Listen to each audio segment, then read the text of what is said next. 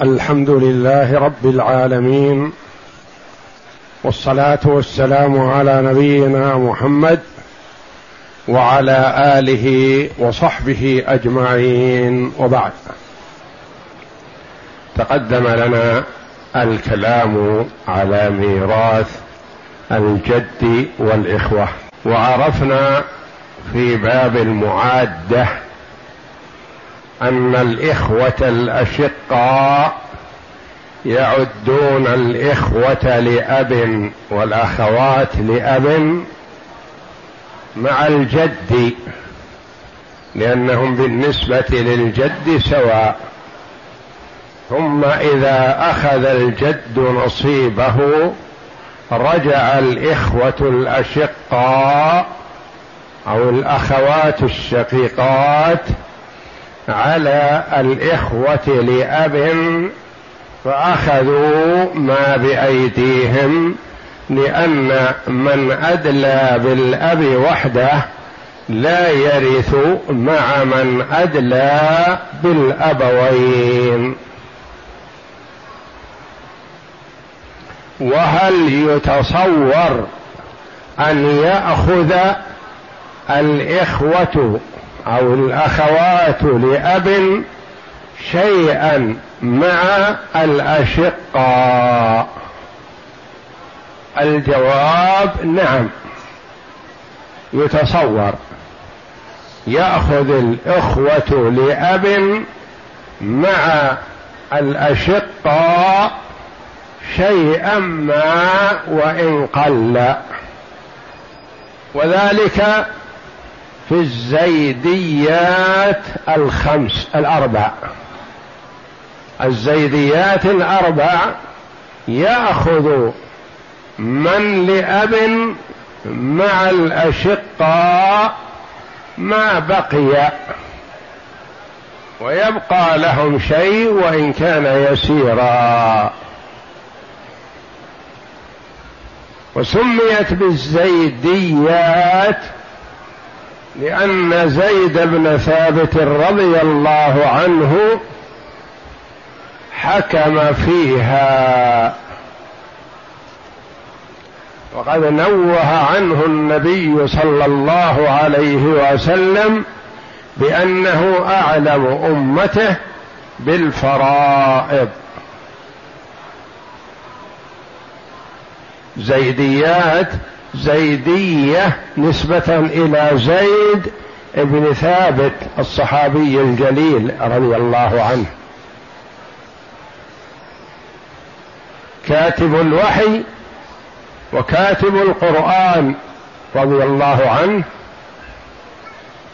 أحد الصحابة الأجلاء. كيف يكون هذا؟ يأخذ الإخوة لأب مع الشقيق مع الأشقة شيئا. نعم. إذا كان مع الجد ذكور من الأشقة أو ذكور وإناث من الأشقة أو أكثر من واحدة من الإناث الأشقة فلا يأخذ الإخوة لأب شيئا. متى يتصور أن يأخذ الإخوة لأب مع الأشقاء شيئا؟ يتصور إذا كان مع الجد أخت شقيقة واحدة. فإنها تعد الأخوة لأب على الجد. فيأخذ الجد نصيبه ويخرج. ثم ترجع الشقيقة على الإخوة لأب فتأخذ لا كل ما في أيديهم وإنما تأخذ تمام فرضها لأن الله جل وعلا فرض لها النصف. ولا تأخذ أكثر من النصف بحال من الأحوال. فإذا أخذت النصف أخذ الإخوة لأب ما بقي تعصيبا استحقاقا لهم. ويتصور هذا في العشرية والعشرينية.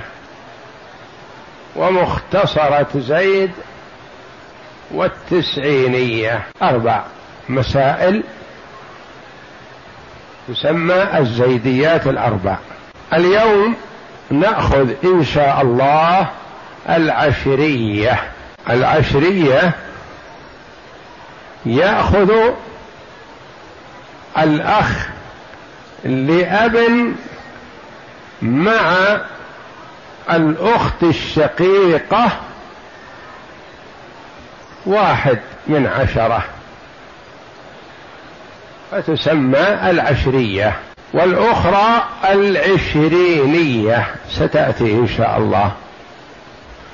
والثالثة مختصرة زيد. ستأتي إن شاء الله. والرابعة التسعينية. سميت العشرية لانها تصح من عشرة. سميت العشرينية لانها تصح من عشرين. سميت التسعينية لأنها تصح من تسعين. سميت المختصرة زيد لأنها تصح من مئة وكذا ثم تختصر إلى خمسين وكذا. كما سيأتي إن شاء الله. وهذه تعتبر من مسائل المعادة. وذلك أن الأخت الشقيقة تعد من كان لأب معها على الجد حتى تزاحمه فيأخذ نصيبه ثم ترجع الشقيقة على من كان لأب فتأخذ لا كل ما بأيديهم وإنما تأخذ تمام فرضها لأن ما لها هي أكثر من النصف. فتأخذ تمام النصف ويبقى شيء. هذا الشيء يكون للإخوة لأب واحد أو اثنان أو أكثر. واحد في العشرية واثنتان في العشرينية وهكذا. اقرأ. العشرية.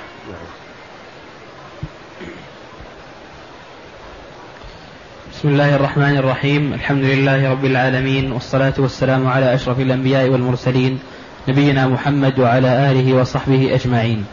قال المؤلف رحمه الله تعالى الزيديات الأربع. ما هي الزي الزيديات الأربع؟ العشر العشرية والعشرينية والتسعينية ومختصرة زيد.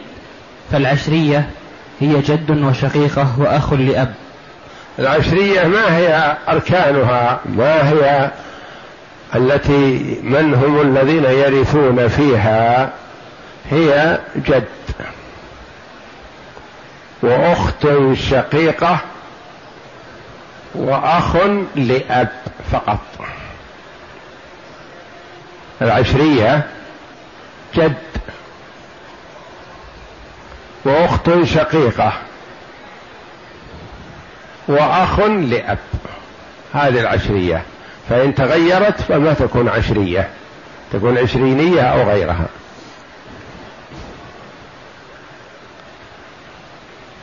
نعم. فأصلها من خمسة والأحظ للجد المقاسمة فهي ينظر. جد وشقيقة وأخ لأب. الأخت الشقيقة تأخذ الأخ لأب معها.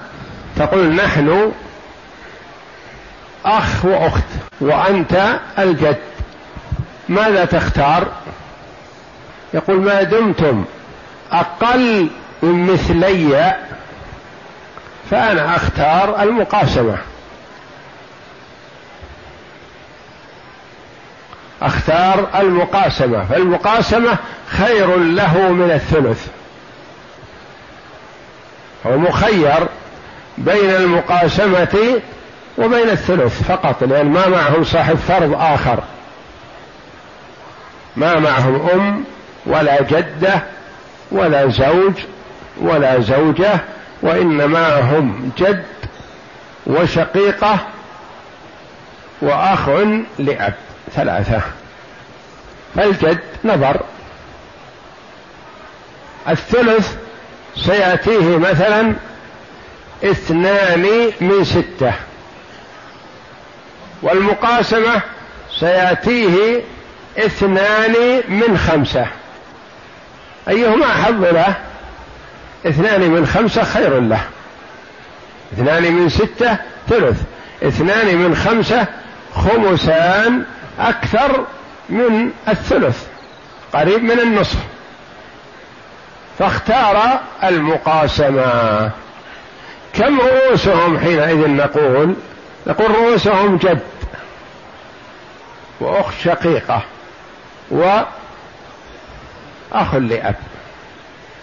الجد باثنين والأخت الشقيقة بواحد والأخ لأب باثنين. اثنان واثنان وواحد كم؟ خمسة. تكون المسألة قلنا دائما إذا كان في باب التعصيب من عدد رؤوسهم. قد يقول قائل ما فيه أصل من الأصول خمسة. يقول نعم ما في أصل من الأصول الواردة في كتاب الله خمسة وإنما علم أن الورثة بالتعصيب من عدد رؤوسهم. ما ينظر إلى إلى لا يدخلون تحت الأصول اثنان وثلاثة وأربعة وستة وثمانية واثنا عشر وثمانية عشر وأربعة وعشرين وستة وثلاثين ما يدخلون التعصيب من عدد رؤوسهم هلك هالك عن خمسة أبناء المسألة من خمسة هلك هالك عن خمسة إخوة المسألة من خمسة. هلك هالك عن أخ أخوين وأخت أشقة المسألة من خمسة. هلك هالك عن ثلاثة إخوة أشقة وأخت شقيقة المسألة من سبعة. من عدد رؤوسهم هلك هالك عن سبعة إخوة أشقة وأخت شقيقة المسألة من خمسة عشر. من خمسة عشر. الإخوة الأشقة سبعة أربعة عشر والأخت الشقيقة واحد. فالتعصيب من عدد رؤوسهم. فجد وأخ. وأخت شقيقة وأخ لأب من عدد رؤوسهم خمسة. يقولون عن الجد ماذا تفضل؟ يقول يريد المقاسمة إن خير له. فقالوا إذا نحن خمسة. خمسة رؤوس لك اثنان ولنا الباقي. فيأخذ الجد اثنين ويخرج. ثم تلتفت الأخت الشقيقة على أخيها من الأب وتقول يا أخي فرض الله لي النصف فأنا آخذ نصف المسألة إن بقي شيء فهو لك. وإذا لم يبقى شيء فلا تأخذ من حقي شيئا. ذكرتني للجد برأسين نعم. ذكرتك للجد ليزاحم الجد ويرضى بالخمسين. ثم أرجع عليك وتأخذ ما بقي أنت وإلا فلا تقاسمني في النصف الذي فرض الله جل وعلا لي. يستفتونك قل الله يفتيكم في الكلالة إن امرؤ هلك ليس له ولد وله أخت فلها نصف ما ترك. فأنا أخت شقيقة وأنت أخ لأب ما تزاحمني في النصف. فيرضى بذلك. كم بقي؟ ثلاثة. تقول أنا أستحق من الخمسة أستحق اثنين ونصف. يصفي لي اثنين ونصف وإن بقي شيء فهو لك يقول في باب الفرائض ما عندنا اثنين ونصف. إذا تضرب الخمسة بكم؟ بمخرج النصف. مخرج النصف اثنان. يعني قلنا كل فرض مخرجه من سمية إلا النصف فمن اثنين. يعني مخرج الثلث من ثلاثة مخرج الربع من أربعة مخرج السدس من ستة مخرج الثمن من ثمانية. كل فرض إذا كان واحد مخرجه من سمية إلا النصف فمخرجه من اثنين. والمسألة إذن من خمسة ونريد استخراج نصف للخمسة لأن الخمسة نصف اثنان ونصف ما في في الفرائض نصف. نصف سهم. فمخرج النصف من اثنين نضرب الخمسة في اثنين. ويكون المصح كم؟ عشرة.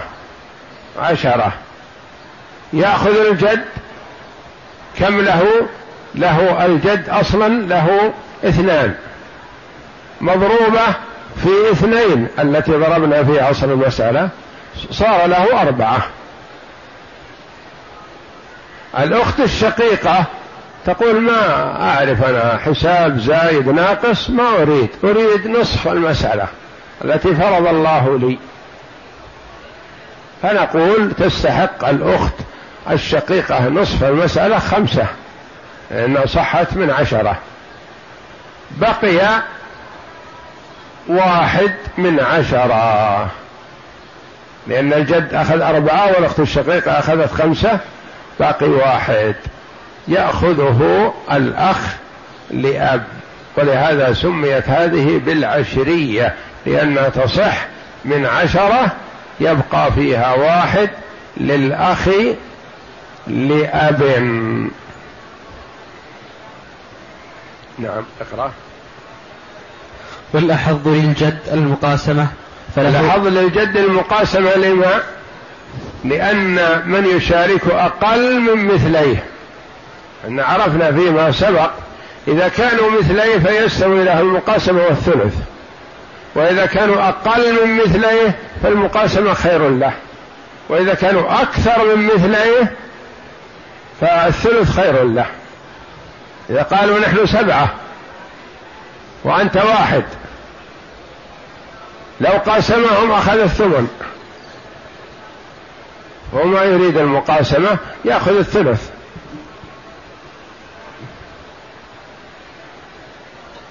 إذا قالوا نحن واحد فقط. فيأخذ المقاسمة لأنه يأخذ النصف. إذا لم يوجد إلا أخت شقيقة فقط ما معها حتى تعده التفتت يمين شمال تبحث عن إخوة لأب ما يصلح ما وجدت شيء. أبناء إخوة ما يدخلون. إذا لم يوجد لها أخ لأب فإن الجد يأخذ الثلثين وهي تأخذ ثلث. ما تستحق النصف لأنها تقاسم الجد. ما يفرض لها حتى تأخذ النصف. ولا وجدت من تعده على الجد. فالمقاسمة إذا كانوا أقل من مثليه خير له. فنعد رؤوسهم حينئذ. لا جت المقاسمة ننظر عدد رؤوسهم كم؟ جد برأسين ذكر لأن الجد يعد مثل الأخ مع الأخت. فالجد برأسين والأخت الشقيقة برأس واحد والأخ لأب برأسين صارت بالخمسة. قلنا المسألة من خمسة للجد اثنان والأخت الشقيقة والأخ لأب ما بقي. ما يظهرون المخاصمة أمام الجد يسكتون حتى يأخذ الجد نصيبه ويخرج. خرج الجد وأخذ نصيبه اثنين من خمسة ترجع الأخت الشقيقة على الجد وتقول له على على الأخ لأب وتقول أريد فرضي في كتاب الله. كم بقي؟ بقي ثلاثة من خمسة. تقول أستحق أنا من الثلاثة اثنين ونصف. فيمكن الثلاثة ما يطلع منها اثنين ونصف. نضطر إلى أن نضرب الخمسة في اثنين حتى تكون عشرة. فنعطي الجد اثنين في اثنين. فيأخذ أربعة ثم نعطي الأخت الشقيقة النصف وقدره من العشرة خمسة ويبقى واحد يأخذه الأخ لأب.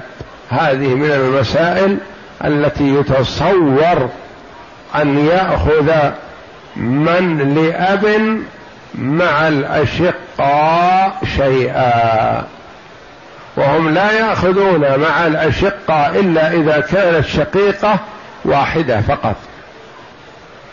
إذا كانت معها ذكور فهو ما يرد لأب إطلاقا.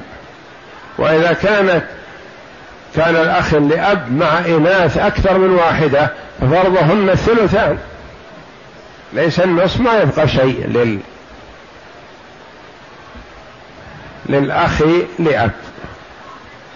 نعم. والأحظ للجد المقاسمة. فله اثنان يبقى ثلاثة. للشقيقة نصف المال والخمسة لا نصف لها صحيح. فتضرب اثنين في خمسة فتصبح عشرة. للجد منها أربعة وللشقيقة خمسة وللأخ واحد. الثانية. وهذه صورتها المكتوبة لديكم في عدة الباحث. من يقسم؟ أقسم هلك هالك عن جد وأخت شقيقة وأخ لأب. المسألة من خمسة من عدد رؤوسهم. للجد اثنان ويبقى ثلاثة. تستحق الأخت الشقيقة نصف الخمسة ونصف الخمسة اثنان ونصف. وليس هناك في الفرائض نصف سهم فنضربها في مخرج النصف حتى ينجبر الكسر. فضربنا الخمسة في اثنين وصحت من عشرة. فأعطينا الجد اثنين في اثنين فيكون له أربعة. ونعطي الأخت الشقيقة النصف. نصف المسألة ويبقى حينئذ واحد من عشرة يكون للأخ لأب. هلك هالك عن جد وأخت شقيقة فقط. المسألة من ثلاثة. من عدد رؤوسهم لأن الجد برأسين والأخت الشقيقة برأس. فالمسألة من ثلاثة للجد اثنان والأخت الشقيقة واحد. تقول أعطوني النصف نقول لا ليس لك النصف لأنك تقاسمين الجد. فلك ثلث نصف ما له. وحينئذ ما معها في هذه الحال أخ ولا إخوة لأب تعدهم. هلك هالك عن جد وأخت شقيقة وابن عم. جد وأخت شقيقة وابن عم عاصف. المسألة من ثلاثة. للجد اثنان والأخت الشقيقة واحد. الأحظ للجد في هذه الحال ما هو؟ المقاسمة. لأنه إذا قاسم أخذ ثلثين. وإذا أخذ الثلث أخذ ثلث. فيقاسم الأخت فيأخذ الثلثين وتأخذ الثلث ويسقط الأخ. ابن الأخ وابن العم ما يرثون مع الجد شيئا. هلك هالك عن جد وأخت لأب وأخ لأب. أخ وأخت لأب. المسألة من خمسه هذه من الباب المعادة؟ لا. من خمسة. للجد سهمان وللأخ لأب سهمان وللأخت لأب سهم واحد. وليست من باب المعادة هذه لأن ما فيها عد. المعادة أن يعد الإخوة الأشقاء الإخوة لأب ليأخذوا ما بأيديهم بعدما يزاحموا الجد. هلك هالك عن جد وثلاث أخوات لأب. المسألة من خمسة للجد سهمان ولكل واحدة من الأخوات لأب سهم واحد. هلك هالك عن جد وثلاث أخوات الشقة. المسألة من خمسة للجد اثنان وللأخوات الأشقة الثلاث لكل واحدة واحد. ولا يأخذن في هذه الحال الثلثين لأنهن يشتركن مع الجد فلا يفرض لهن مع الجد. وهكذا فهذه هي الزيدية العشرية يعني التي أصلها من خمسة وتصح من عشرة. والله أعلم. وصلى الله وسلم وبارك على عبده ورسوله نبينا محمد وعلى آله وصحبه أجمعين.